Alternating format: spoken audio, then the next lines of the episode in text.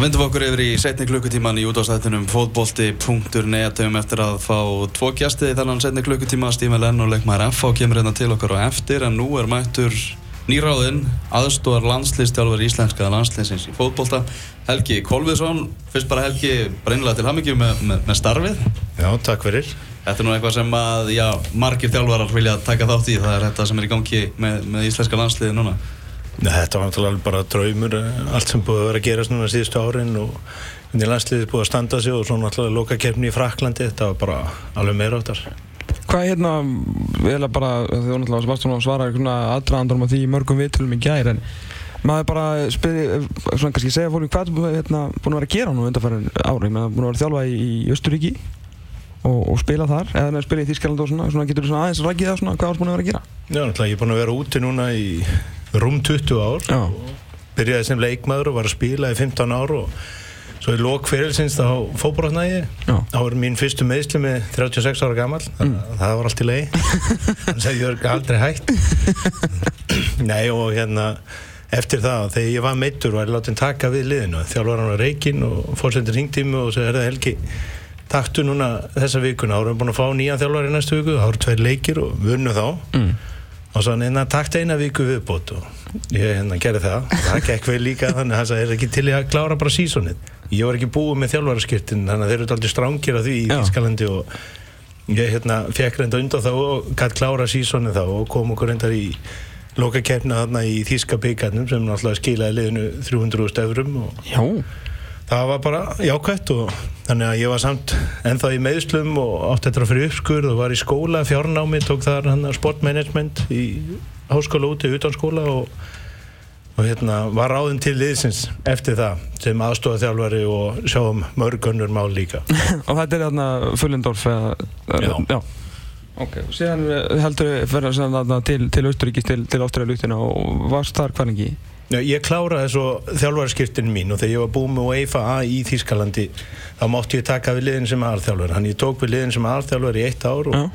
það var reyndar á vesta tíma þannig að við lendum í faraslæðum miklum vandræðum og mistum fullt af leikmönnum en við náðum að halda okkur það var bara takmarki að halda sér í deildinu á þessum tíma. Við lendum í nýjöndasæti af átjón þannig að það var allt mjög jákvætt og þeir vildu fá mig áfram í félaginu að sjá um allt alla þjálfara, ráða þjálfara, yngreflokkana og meira. Ok, og ég reyndi að komast á inn í próskirtinni í Þýskalandi og komst ekki þar inn. Það er ekki auðvilt þeir taka bara inn 24 ári og já, vendilega nokkur er sem að vilja á ári. Það er náttúrulega stærri lið eins og stóru liðin bæja munsinn og fleiri. Þeir eru með marga unglinga þjálfara sem að náttúrulega segja heyrðu, þessir eiga að fara inn í próskirtinnið og þú ert ekki, ef þú ert ekki með próskirtinni þá má maður ekki æfa meira heldur en þriðutelt í Þýskalandi. Já, ok, ok en hérna, svo er náttúrulega, þú ert lengst náttúrulega að þjálfa ástriðalugtina og byrja með þá í, í næsta delta, ekki? Jú, það var þannig, við vorum með æfingabúðum í Tyrklandi og þá fekk ég þá opnaði kona mín bref heima þar sem að ég komst ekki inn í próskirtinni í Þýskalandi þannig að og á sama tíma fekk ég tilbúð frá Austuríki frá Ástriðalustunum mitt gamla lið Mhm. og það eru allir atvinnum er í, í því liði þannig að ég ákvaða stökkva það og vissi náttúrulega þannig bara upp á það sem ég var að hugsa sem þjálfari þá er ég náttúrulega með strákana 7 daga vikuna 24 tíma og get hagað öllu eins ég vil hafa það. Mhm. og það er bara upp á það endurspeglun af minni vinnu þá sér maður hvernig liðið kemur út bæði líkanlega og upp á sístum að gera og geta unni það vel með liðið. Og svo var náttúrulega bara næsta takmark hjá mér að vera í topp þreymur sætunum þannig ef við verum í baróttum að komast í úrvastildina þá verða þeir eiginlega að taka minn í próskirtinni af því annars mætti ég ekki þjálfa í efstu deild þannig að ég, hérna, við náðum því við vorum í toppsætunum og í topp áratin allan tíman og Mm. þannig ég komst inn í próskirtinni þar og það tók einn og halvan tíma eh, eitt og hálft ár í Austuríki að klára próskirtinni Já, ok. Uh, var þjálfun eitthvað sem ætlaðir að að fara í eða var þetta bara svona að því þú mittist hafður alltaf huga því að, að verða þjálfur?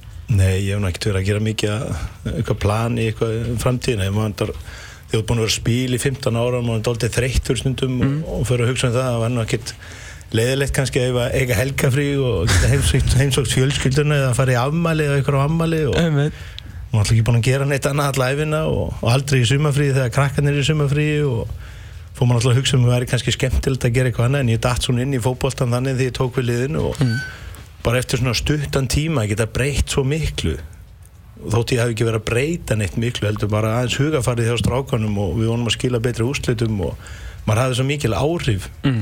þannig að ég festist í því og það var bara mjög gaman líka að vinna með strákonum og nýta reynsluna sína sjálfur sem maður búin að upplifa í gegnum tíman og, og það var bara hann er festist í fyrir þjálfur hann Já.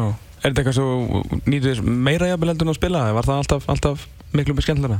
Nei, ég er náttúrulega ferillin mín og náttúrulega öðruvísi hérna ég var 17 ára þegar ég fór til bandarækjana og svo kom ég aftur hérna og mitt gamla félag Íká fór á því meður á hausinn og við stopnum Háká og maður fór þar og svo fór ég eiginlega baktýra megin inn í atvinnumöskuna í Þýskalandi og þetta var mikil vinna, ég var með nokkur tilbúð og það voru svona nokkur tímapunktar á ferðinum þar sem ég hefði getað að fara í stór lið en það var alltaf eitthvað sem kom upp á Mm. En ég var alveg sáttur samt við það að ná þessum árangur sem ég náði og, og hafði mjög gaman að því og ég vissi líka að því þegar fótboltin er búin þá tekur eitthvað nýtt við og, en ég var ekkert að plana neitt beint upp í þjálfóran nei, en nýtu þess í dag og svona hefur, svona, hefur mikið, mikið metnað fyrir þessu. Já, alltaf þau ert búin að vera í fótboltanum í 15 ára, allt fólk sem ég þekki er bara í kringu fótboltanum, margir fyrirhundi leikmenn sem er orðin managerar eða þjálfarar í stórluðum Mm eins og nokkra er sem ég þekki og þá er náttúrulega spurning maður er inn í þessum geira og Mm. það er náttúrulega að nýta þau tengsli og þetta er náttúrulega það sem ég er búin að vera að gera bara eiginlega alla æfi þannig Mm. að það er orðið bjánulegt að fara kannski beint í eitthvað annað Já. En núna hérna, ertu að svona, fara í öðruvísi dæmi og náttúrulega þú veit ekki með, með leikmennina á hverjum degi og svona, en af, af hverju, hverju landslið núna? Bara af því að Ísland kallaði og, og það eru skemmtilega hlutir að gerast eða var þetta eitthvað svo eitthvað pælt í áður að svona fara í, í landsliðsbransan eða einhverju stöðu hjá landslið? Þetta var náttúrulega bara, var bara draumur að fá að vinna fyrir landslið þetta var svona eftir á, eftir ferilnin þá var þetta sögur bara besta tímabilið að það er að skemmtilegsta í fótballtanum þegar maður stendur í landsliðstreinu þú ert valin fyrir þitt land og Já. svo kemur þjóðsöngurinn og maður er með gæsa og maður þarf eiginlega ekkert að hýta upp fyrir land maður var bara komin á 110 áður en leikurinn byrjaði hvað sem var uppbytun eða ekki. Mm. og þetta er náttúrulega bara það er ennþá í dag, það skiptir einhver máli á hvaða velli ég er þegar ég sé það strákana standa úti og, og þjóðsöngurinn hvaða þjóðsöngurinn sem það er, það er far, maður fara alltaf að gæsa á Hún hefur gæst að hún það vantilega bara að fara í gegnum peysuna og, og, og í Fraklandi þú varst, varst þar með þessi menn þetta var náttúrulega ótrúlega dæmi frá það til lög þetta Hvað, hérna, hvað, eins og heimi, heimi og las, svona hvað, hérna, segðu okkur svona, svona frá, frá þjálfræðilegu sjónurvæðni, hvað, hvað eru þeir að gera sem er svona, er svona frábært? Þegar, þú náttúrulega ert af neina á æfingunum og, og, og ser þetta? Já, náttúrulega frábært fyrir mig að geta komið hann inn og fylgst með strákunum og fylgst með heimir og Lars hvernig það er að vera að vinna þetta Lars náttúrulega með rosalega mörg bara mikla reynslu og Róland Andersson, hans aðstofamaður Mm. sem ég var mikið að tala við fór á hún marga leiki með honum og bara sjá hvernig þeir vinna þetta og þetta er náttúrulega önnur vinna þegar maður er að vinna með landslið heldur um félagslið, með félagslið eftir með stráka sem er að fá mikið borga fyrir þetta. Þeir fá borga fyrir að spila leiki, þeir fá bónusa fyrir að vera inn á. Já. og ef þeir eru ekki inn á þá eru kannski 26 manna eða 30 manna hópur þá eru 11 sem eru í stuði og þrýr sem eru kannski vondu skapi. Eða þrýr sem eru svona sáttir við að vera í hópnum Já. og svo eru svona 8 sem eru að skjóta reyna að saga stólinn undan þér Já, en þetta er náttúrulega allt, allt öðru í þessu umhverfi. Já, ég menn þetta er allt öðru þannig. Mér er bara frábært að sjá það hérna, hvernig Heimir og Lars voru með alveg skýra línu fyrir landsliði strákunni vissu alveg hverju var að, að ganga og skipti eða engum máli í hvaða stöðum. Menn vissu allt um allt og þetta var bara fyrir eitthvað einfalt og ég gleymi ekki einni setningu sem að Lars saði það er erfiðast í fótbolta að halda, ha, hafa þetta einfalt Já, já, já, en honum virðist þá að tekist það ágætlega, sko, honum og, honum og, og heimi.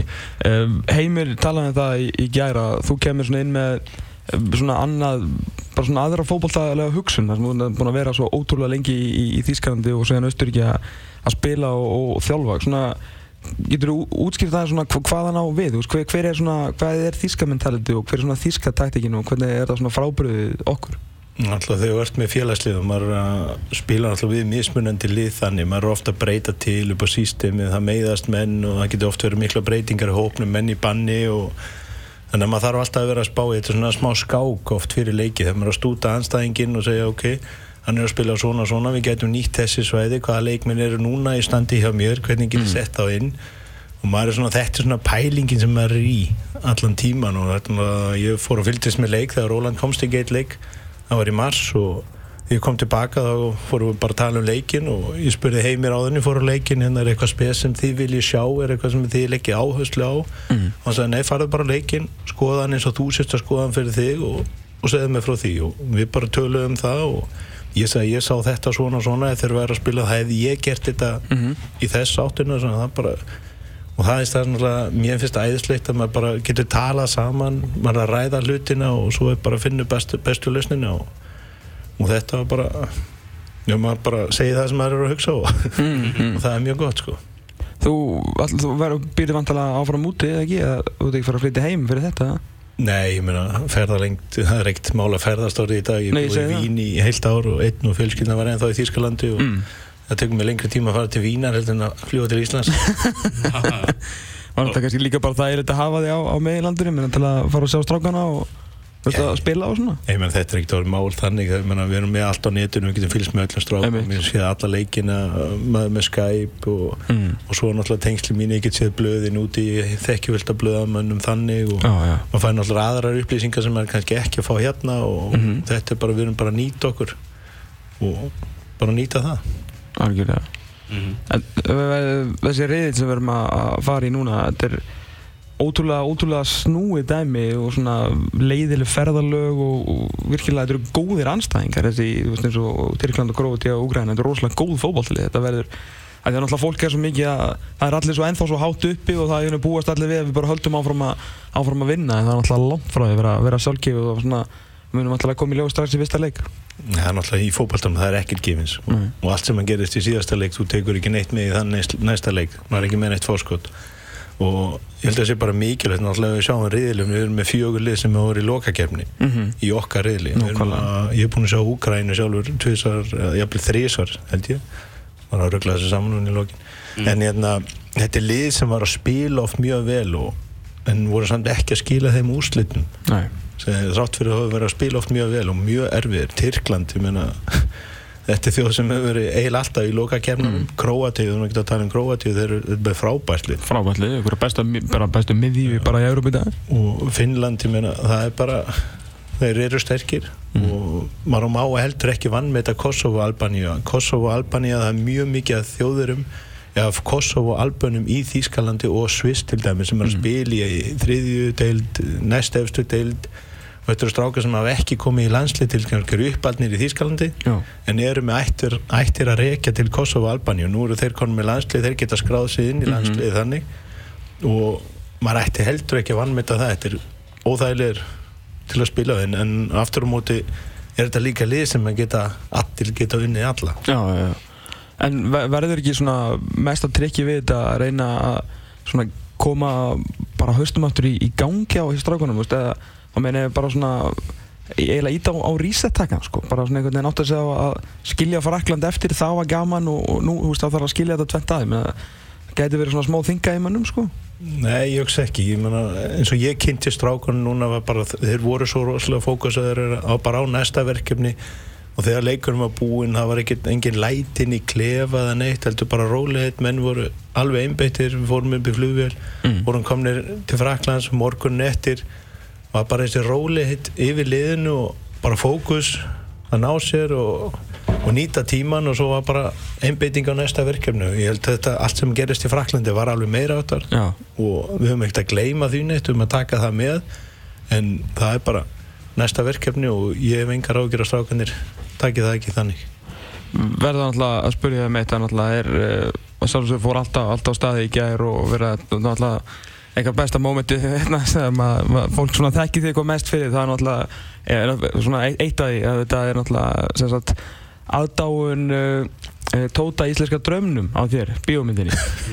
Hvernig, hvernig, hvernig hver er sagan á baku þetta alls saman og, og hvernig, veist, það er samband við því þú, meina, þú veist, þú varst náttúrulega ímyndið og hann tók eitthvað utan um mig og ekki það ekki var landstíðin séð þetta? Já, ég þekki Tóta, Tóti kom á skólanum og mamma hans er vinkona mömmu minna ok þannig að við erum búin að þekkja og það voru nokkri sem voru sem sett upp íslenska drauminn, þeir eru á kópóinum og, og þetta var náttúrulega inn í myndinni með landsleismanna en það höfðu samband um hvort ég get ekki tekið þátt í þessum meðum og ég minna þetta var á milli landsleika þannig Já. og það var bara sjálfsagt og bara gaman að því og maður náttúrulega hjálpa strákunum en við vissi ekki hvernig myndin væri eða Nei, nei. hvert þetta færi og svo var þetta bara frábær Geggjum mynd náttúrulega. Bara góðsagna kent mynd. Já, ég þurfti náttúrulega að heyra þannig á landsliðinu þegar við fórum náttúrulega á frumsýninguna með landsliðinu og það var akkurat landsleikur hérna fórum allir í bíó. Já, ok. Í miðri viku.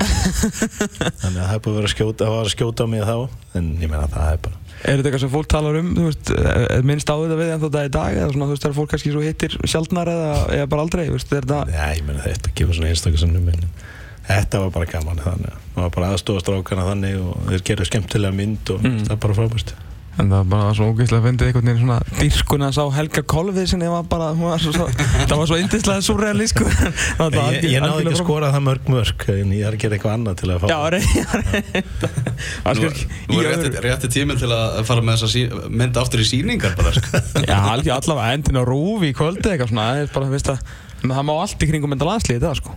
Það selur hvernig einasti hlutur sko Það er náttúrulega búið hérna, við svo í gæði, það varst að, það sem eins og flesti vita núna að þú og hérna, Jörgen Klopp, náttúrulega, knastmyndstöður Leifpól eru, eru góði félagar og, og náttúrulega ennski boltinn hér er náttúrulega bara eins og, eins og trúabröð, þannig að það, allt sem að, að hérna, tengist honum og Leifpólið í hverju náttúrulega eh, bara mók selur og allt af. Eh, hvar, hérna, náttúrulega þið spiluðu saman, Já, uh, hann sagði sjálfur hann segir sjálfur alltaf þegar við erum að tala um fótboll hann segir alltaf að hann hafi verið með sagt, uh, heila fyrir uh, búndislíkuna og fætur að hæfi líka fyrir uh, þriði búndislíkuna það sem að þannig lýsir hann sjálfur þessi fótbollmanni getur þú tekið undir það? ég get alveg tekið undir það en ég meina þetta er þannig leikmaður. Þú vilt alltaf hafa með þér með þér í liði. Já, þetta er svona winning type og hann vildi alltaf vinna leiki og hafa mikið keppniskap og mér varst aðeinslegt að spila með honum. Þetta er bara svona típa og það er ekki allt og þannig ekki kannski verið eitthvað tæknitröll eða þannig, hann var stór, hann var rosalega góður í skallanum, hann fór í öll innvegi og híkaði aldrei og, og hann barðist bara fram á lokin þótt að vera alveg búinn eða hvernig það var mm. maður heyrði aldrei neitt og hann er bara náttúrulega mjög skýr strákur þannig og vissi alveg hvað var í gangi sko.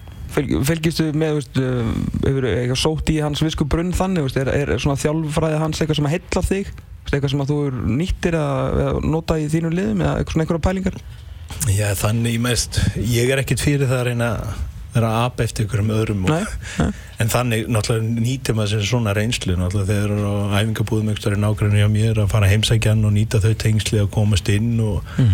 ég get lappað inn og ég get skoða hvað þeir eru að gera og maður sér bara hvernig hann er að vinna og allir í kringum hann er náttúrulega með tím í kringu sem, sem eru 12 manns Já, er með sér eitt uh, strák sem að sér um allt uh, vídeo og analyze fyrir næstu leiki og klippir allt niður fyrir hann og já, þetta er strákur sem ég þekki frá Mainz hann var að klippa fyrir okkur á sín tíma og aðstofþjálfaran hans og svo Ok. náttúrulega kynnis maður náttúrulega konditjón fitness þjálfaranum og sér hvernig þeir eru að gera hvað er nýtt og hvað áherslur eru að leggja og svo Mhm. nokkrar æfingar sem voru lokaðar sem ég fekk náttúrulega að vera á og þá getur maður séð hvernig hvað þeir voru að gera alltaf eitthvað sem maður getur lært og ok. maður er að vika sjóndeldarringin og hann náttúrulega er með svo mikið lið í kringu sem hann opnar æfinguna svo erum við strákana sem að sjá um æfinguna Mm. og hann lokar henni svo í lokin Ok.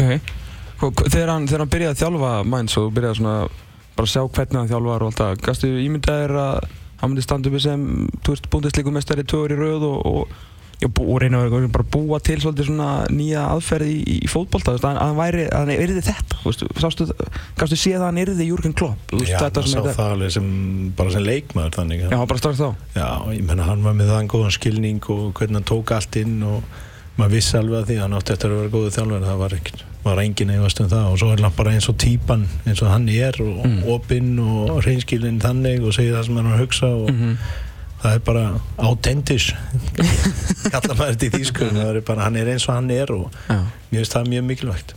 Hann er alveg rosalega rosalega aktífur í, í, leikjum sko, það verður ekki annars það sko, hann er eins og Alfred Gíslason lýsi hann um átt sko, hann bara, hann er eiginlega inn á vellinu sko, hann er svo aktífur á hliðalínni Já, ég menn þetta er bara, hann var svona sem leikmaður og hann er svona eins og þjálfari og þetta er bara í hans eðli þannig að og þetta er það sem að, bara skilur honum líka og maður sér það líka sem leikmenni sjá það, hann er ekkert að sýta og rólegur þannig, Nei. hann er alltaf með og hann er að reyna að hjálpa allstaðar og hann er bara þannig, hann er mjög náinn við sína leikmenn og þetta er bara hans stíl og mér finnst það bara flott. Alltaf hann er alltaf nánast bara að byrja með þessum leikmærum hann sko, það er bara ástinni svo mikil að það ég maður aldrei segja hana einn sko. Mér finnst það mjög, mjög jákvægt oft uh, að þegar margir leikminn sem hafa verið að spila kannski hjá honum og vilja líka fara til hans aftur og mér finnst það mjög jákvæmt ef maður er eins og ég hef búin að vera þjálfa úti og þá er maður búin að kynast náttúrulega 200 strákum og maður er ennþá í sambandi við þá og maður er ennþá að fylgjast með og maður er að meila frá þeim eða á Facebook eða þannig. Og maður er ennþá í kontakti þannig að mér finnst þetta, þetta er það eðlilega í fótballtan Já, og svo náttúrulega komið nýr hérna Jürgen Klopp 2.0 Thomas Tuchel hjá, hjá Dortmund í dag sem er náttúrulega bara sami maðurinn alveg upp á sama liði og þegar byrjaði þar og spila næstu í sagðan fótbolta og... Það er skemmtilega við það þegar ég var að taka hérna UEFA próskirtin þá er maður að fara í tvær vikur og vera í hospitation. Já, Ég hafði eiginlega engan tíma því ég var að þjálfa sjálfur hann Mm. reyndar austfíska deildin hún var uh, búinn tveim vikum áður en þíska deildin var búinn og ég ætlaði til kloppa því að hann búinn að segja við mig þegar þú ferði í hospitation að vera að koma til mín. Ok. Og ég ringdi hann ég hef tíma núna og sagði bara þetta er ekki góð tími maður. Það er bíkaleikur á sunnundaginn, það er Champions League á miðugudaginn og svo er annar leikur á föstudaginn, við erum ekki að æfa neitt. Ekki neitt og við erum bara að ferðarlegi ég hef bara tíma núna. Já ok, heyrðu. Hann sagði, nei ég redda þess bara, ég fer bara til Mainz.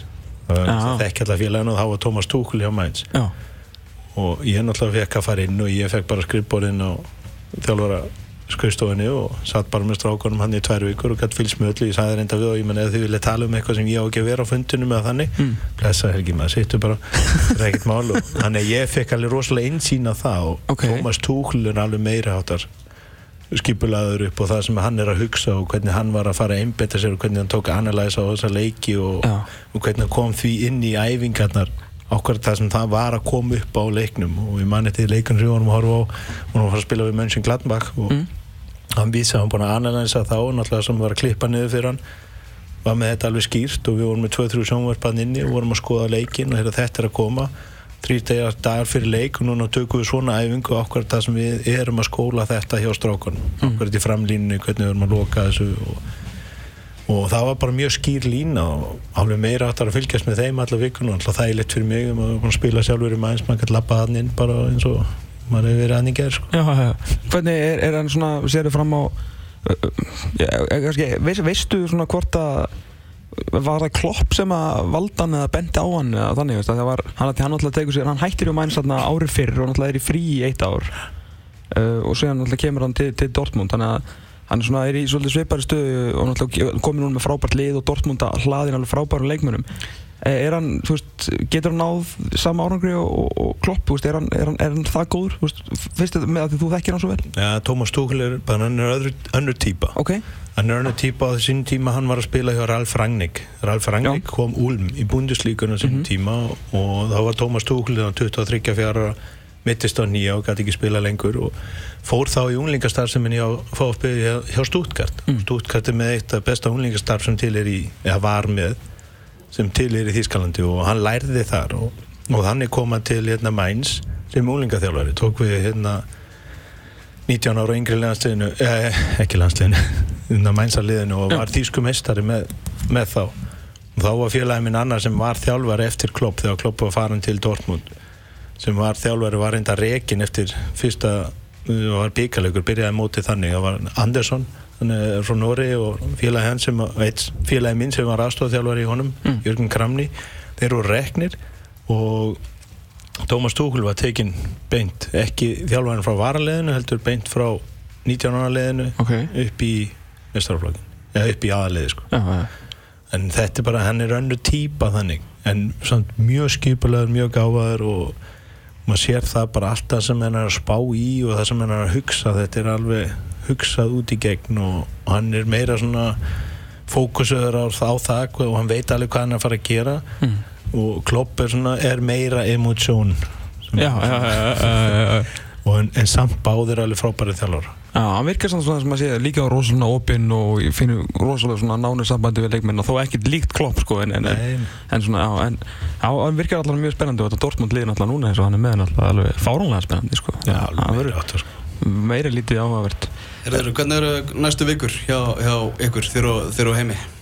Já, það er núna byggaleikur náttúrulega á lögadaginn og þá er heimir með fyrirleistu þar eftir Frakland og ég var náttúrulega með honum með þeim þar og Arnar Bill og Freyr sem uh, voru með skáting og það er náttúrulega bara spennandi að geta aðeins skifið frá sér og fara í gegnum það og svo er bara skipulegja okkur núna næstu vikurnar við erum náttúrulega að fá inn einn uh, fitness coach inn sem er úti í Þýskalandi ég tek það að mér að sjá hvað við þurfum á þar að halda og skipulega okkur ekki kringu það Mm. náttúrulega ekki langt frá mér og, og svo erum við náttúrulega með leikina hjá Úkrænu, við erum búin að, ég er búin að sjá það tvisvar, þrisvar og við erum með þetta náttúrulega netinu og svo bara setja saman okkar æfingar og svo náttúrulega valið á hópnum og þetta er bara næsta verkefni Mm. Ertu, hefur verið mikið heima undanfæra nára? Ertu bara meira minn alltaf úti eða? Ég hef náttúrulega með, ég var hjá félagslegan þá var ég ekki neinu frí þannig að Nei. ég var í frí, það var í lok mæ Já. þá ertu búin að vera ferðalagi allt árið þannig að mjög stróslega gott að sitja heima með bara í sófanum og nota grillið að vera út í gardi þannig að ég var ekki að fara neitt og alltaf þegar ég var í frí voru börnum mín í, í skólanum og Já. þá var náttúrulega ekkert gaman að vera þegar maður er aldrei heima þessir að Nei. loksins komin heim að fara þá sjálfur í frí Já. það er ekki hægt, þannig að ég bara reyni alltaf að nýta hverja frí mínútu til að vera heima með mér og vera í fjölskyldinu og Já. Þannig að þú myndir vera núna á næstu, næstu árum vonandi aðeins meira hér.